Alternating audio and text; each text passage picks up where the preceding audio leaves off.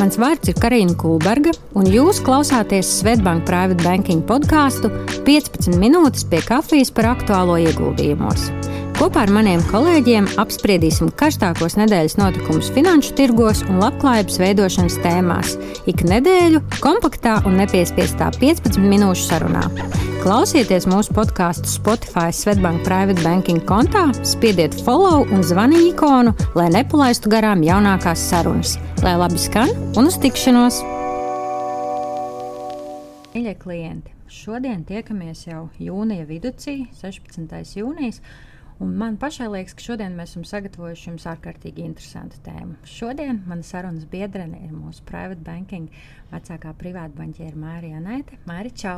Čau, Karina! Un, uh, par šodienas tēmu uh, man jāatzīstās, ka viena no tādām manām mīļākajām lietām manā darba ikdienā ir tā, ka ejot cauri mūsu kabinetiem un, un vietai, kur mēs strādājam, ka bieži vien uh, pieķer un uzķer sarunas, ko banķieri runā savā starpā par interesantiem notikumiem finanšu tirgos, par ekspertiem, kuros ieklausāmies, un tad mēs varam kopā forši izdiskutēt un apspriest, kas tad ir tie jaunumi, kas notiek. Un šāda viena saruna ir šīs šodienas podkāstu epizodes nu, tēmas vērta. Un tā bija par tādu pasaulē plaši pazīstamu investoru kā Reizdalio. Un mēs esam līdz šim epizodēs diezgan daudz apsprieduši par to, kādas labklājības nu, plānošanas stratēģijas ir pasaules turīgākajiem cilvēkiem. Esam runājuši diezgan daudz iepriekšējās epizodēs par Elonu Masku, esam runājuši par Varenu Buffetu, esam runājuši par to, kas ir tās aktīvu klases, kas viņiem patīk, kurām viņi tic vairāk, kādas ir viņu stratēģijas. Tad šodien es varu teikt, ka reiz Dalio ir, nu, mēs pastāstīsim arī epizodes laikā kas mums liekas interesants no viņa pieejas. Bet, nu, viņš noteikti kā pasaules numur uz šodienu 66. bagātākais cilvēks. Šis kungs, es domāju, mums var dot ļoti foršu un plašu ieskatu tajā, kā varam padomāt katrs arī par saviem portfeļiem, pašlaik ieguldījumu izveidotajiem, un iespējams arī par kaut kādām tendencēm un pasaules attīstību nākamajiem gadiem.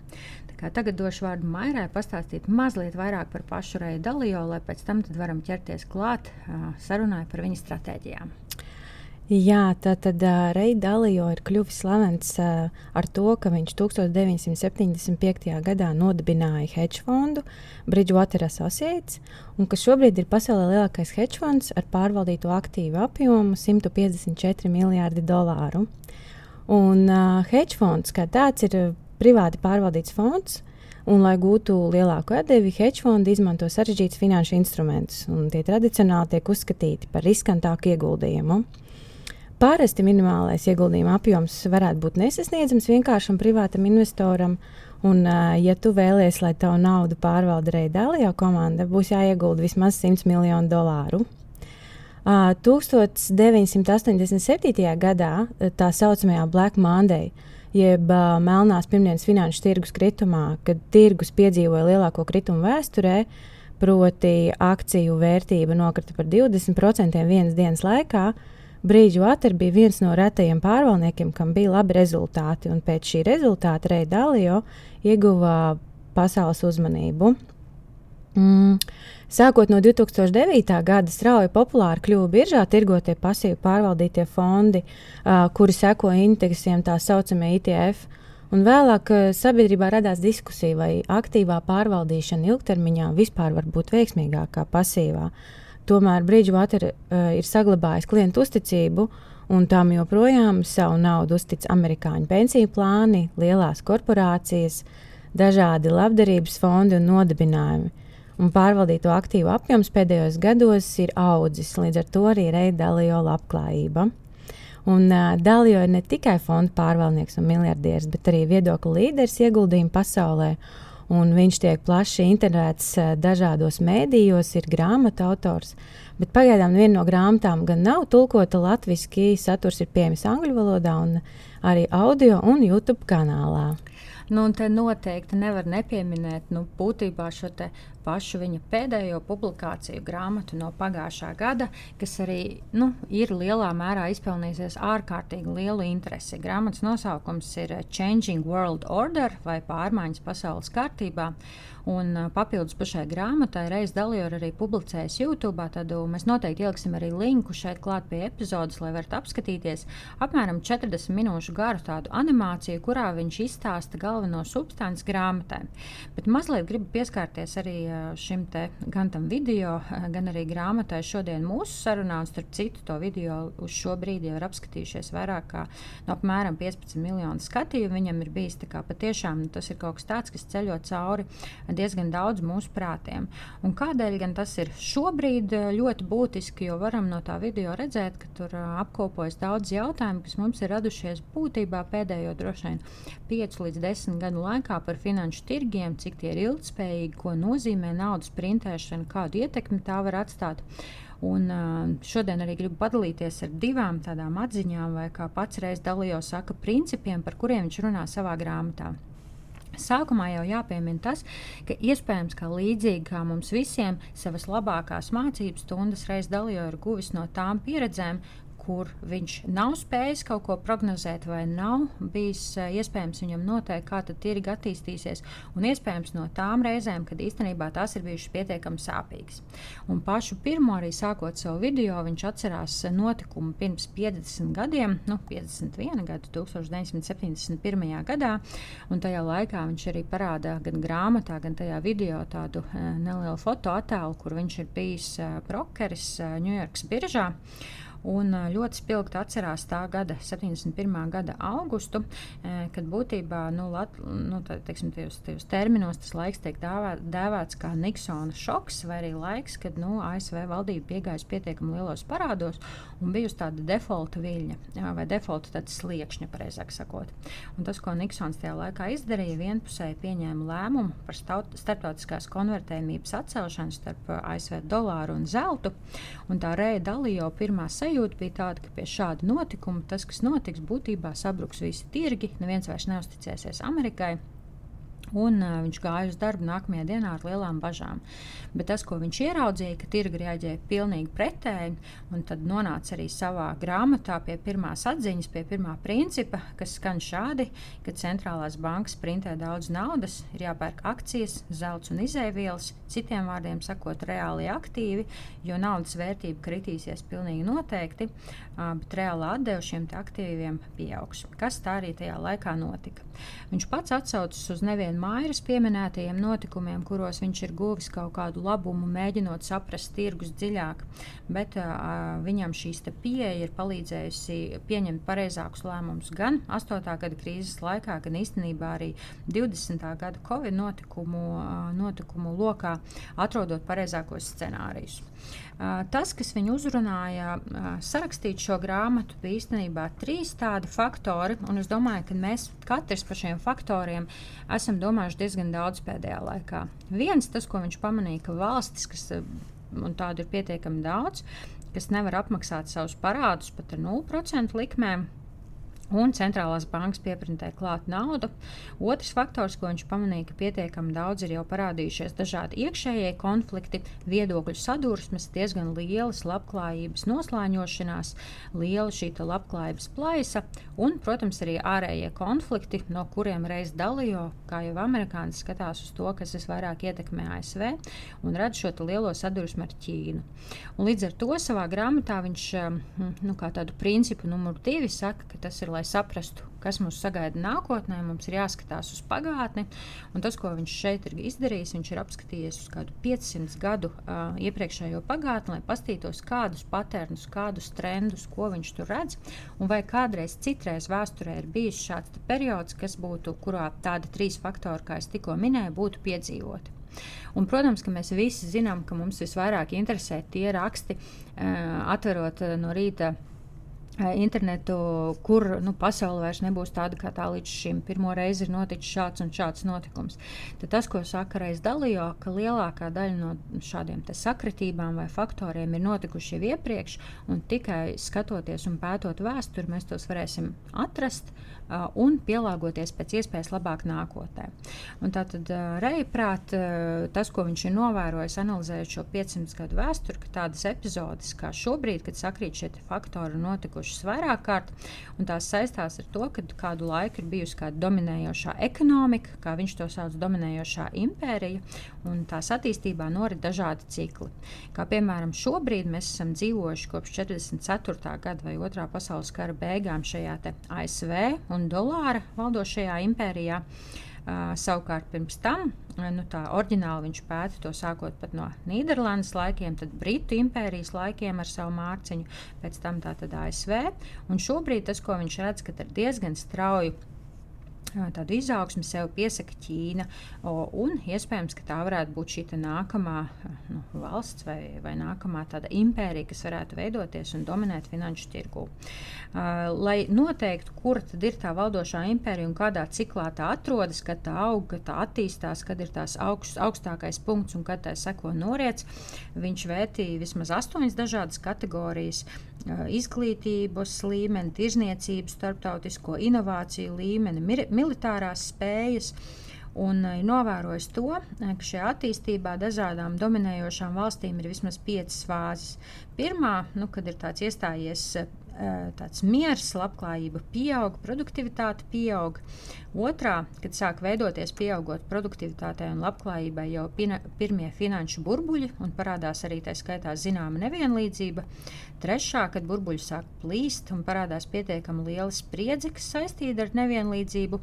Tāpat laikā novērojams arī, ka produktivitāte lēnām krītās. Ceturtā stadija, nu, ko mēs visi esam redzējuši diezgan daudz pēdējā laikā, ka tiek, lai finansētu visas augošās vajadzības, tiek pieprintēta klāt nauda. Un finālā nu, sava veida revolūcija vai arī šī būtībā varas maiņa, kur vienu impēriju nomaina nākamā. Un savā ziņā varētu teikt, ka diezgan daudz žurnālisti ir spekulējuši, un arī, ja jūs googlēsiet Reju Dalijonu, ir uzteik, izteikuši šo te plašu apgalvojumu, ka tas nozīmē, ka reiz Dalijo šobrīd iet prom no Amerikas vai uzskata, ka te nav nākotnes. Bet es zinu, ka Maija ir ieskatījusies detalizētāk īstenībā viņa hedge fondos un var pastāstīt, kur tad pats reiz Dalijo šobrīd investē. Jā, pirmkārt, interesanti, ka pretēji Warrenam Buffetam, kura portfels sastāv pārsvarā no atsevišķām akcijām, uh, Bridgewater veids ieguldījumus arī caur ETF-iem, un uh, liela daļa, aptuveni 11% Bridgewater portfelī ir attīstības tirgi, tā saucamie emerging markets ETF, un tieši jā, ar uzsvaru uz Ķīnu. Papildus tiem portfelī ir atsevišķu Ķīnas uzņēmumu akcijas, lielākā pozīcija ir Alibaba, tad seko tehnoloģiju kompānijas Baidu akcijas, arī elektroražotājs NIO. Interesanti, ka attīstības tirgu pozīciju viņi ir palielinājuši šī gada pirmajā ceturksnī, pārdodot nelielu daļu no zelta, Tesla akcijām un daļu no ASV kompānijas, kas tirgo preces mājokļu uzlabošanai. Tajā pašā laikā viņi ir palielinājuši higiēnas preču ražotāju Procter Gamble akciju pozīciju. Un uh, var redzēt, ka Bridgewater ir sagatavojušies ekonomikas lejupslīdei, jo liela daļa portfelī ir uh, patēriņa preču ražotāju un tirgotāju veselības aprūpas uzņēmumu akcijas, kā piemēram Johnson Johnson akcijas, pārtiks uzņēmumi, Coca-Cola, McDonald's, Starbucks, mazumtirgotāju Walmart un Target. Skaidrs, ka cilvēki vēlēsies ēst un rūpēties par veselību jebkuros apstākļos, tāpēc patēriņa preču sektors tiek uzskatīts par drošāku ieguldījumu sliktākas ekonomiskās situācijas laikā. Un, eh, lai ieguldījumi būtu veiksmīgi, Reida Alio, kā investors, eh, vienmēr uzsver diversifikācijas nozīmi. Viņš ir uh, izveidojis tādu kā ideālā modeļa portfeļu sadalījumu, All Weather portfolio, kas ir pielāgots jebkuriem laikapstākļiem, jeb ekonomiskajai situācijai. Un šis portfels paredz sadalījumu 30% akcijās, 40% ASV valdības ilgtermiņa obligācijās, 15% vidēja termiņa obligācijās, 7,5% zeltā un 7,5% izēvielās. Un šis laikapstākļu, visu laikapstākļu portfels ir kā recepte tiem uh, ieguldītājiem, kas pēc iespējas vēlas samazināt risku, bet tai pašā laikā gūt mērenu atdevi. Un tas drīzāk ir piemērots tādiem, kas jau ir nopelnījuši kapitālu un ar nelielu pieaugumu vēlas to saglabāt līdz pensijai vai atstāt nākamajai paudzei.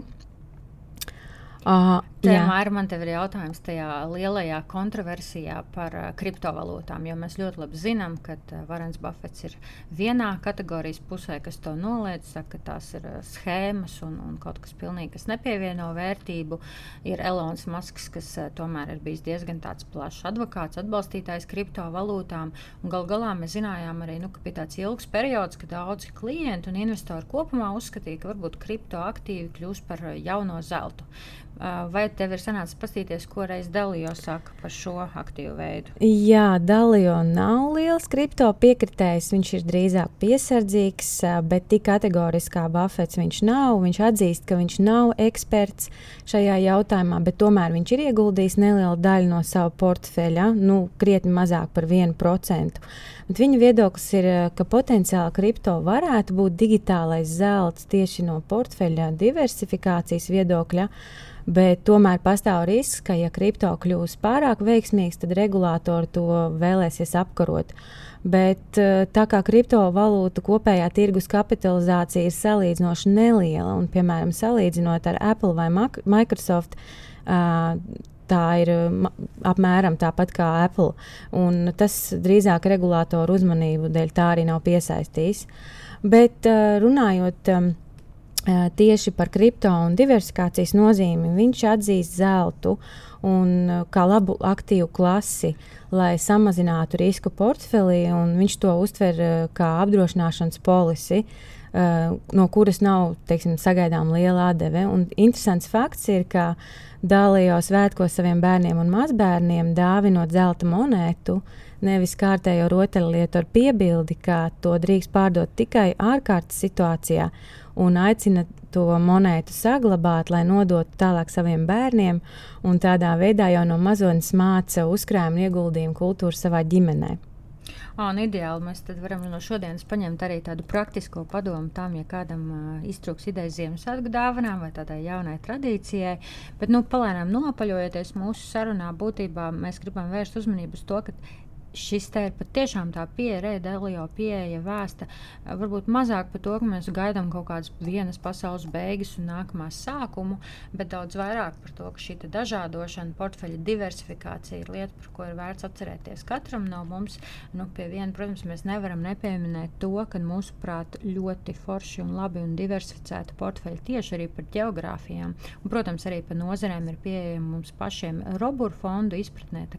Klients, kur varbūt pēc šīs šīs sarunas ir pamudināti un paskatās savus portfeļus un secina, ka tie ir ļoti vienā tirgū vai vienā kādā sektorā vērsti, tad noteikti aicinām paskatīties to, kā tos var vienkārši un viegli diversificēt, izmantojot arī mūsu jau uh, smuki sapakotos, saliktos kopā produktus. Un padaloties vēl ar uh, pēdējām uh, atziņām no Dalio, viņš saka, ka cash is trash un uh, turēt naudu kontā ir viens no sliktākajiem lēmumiem, kādu izdarīt šobrīd.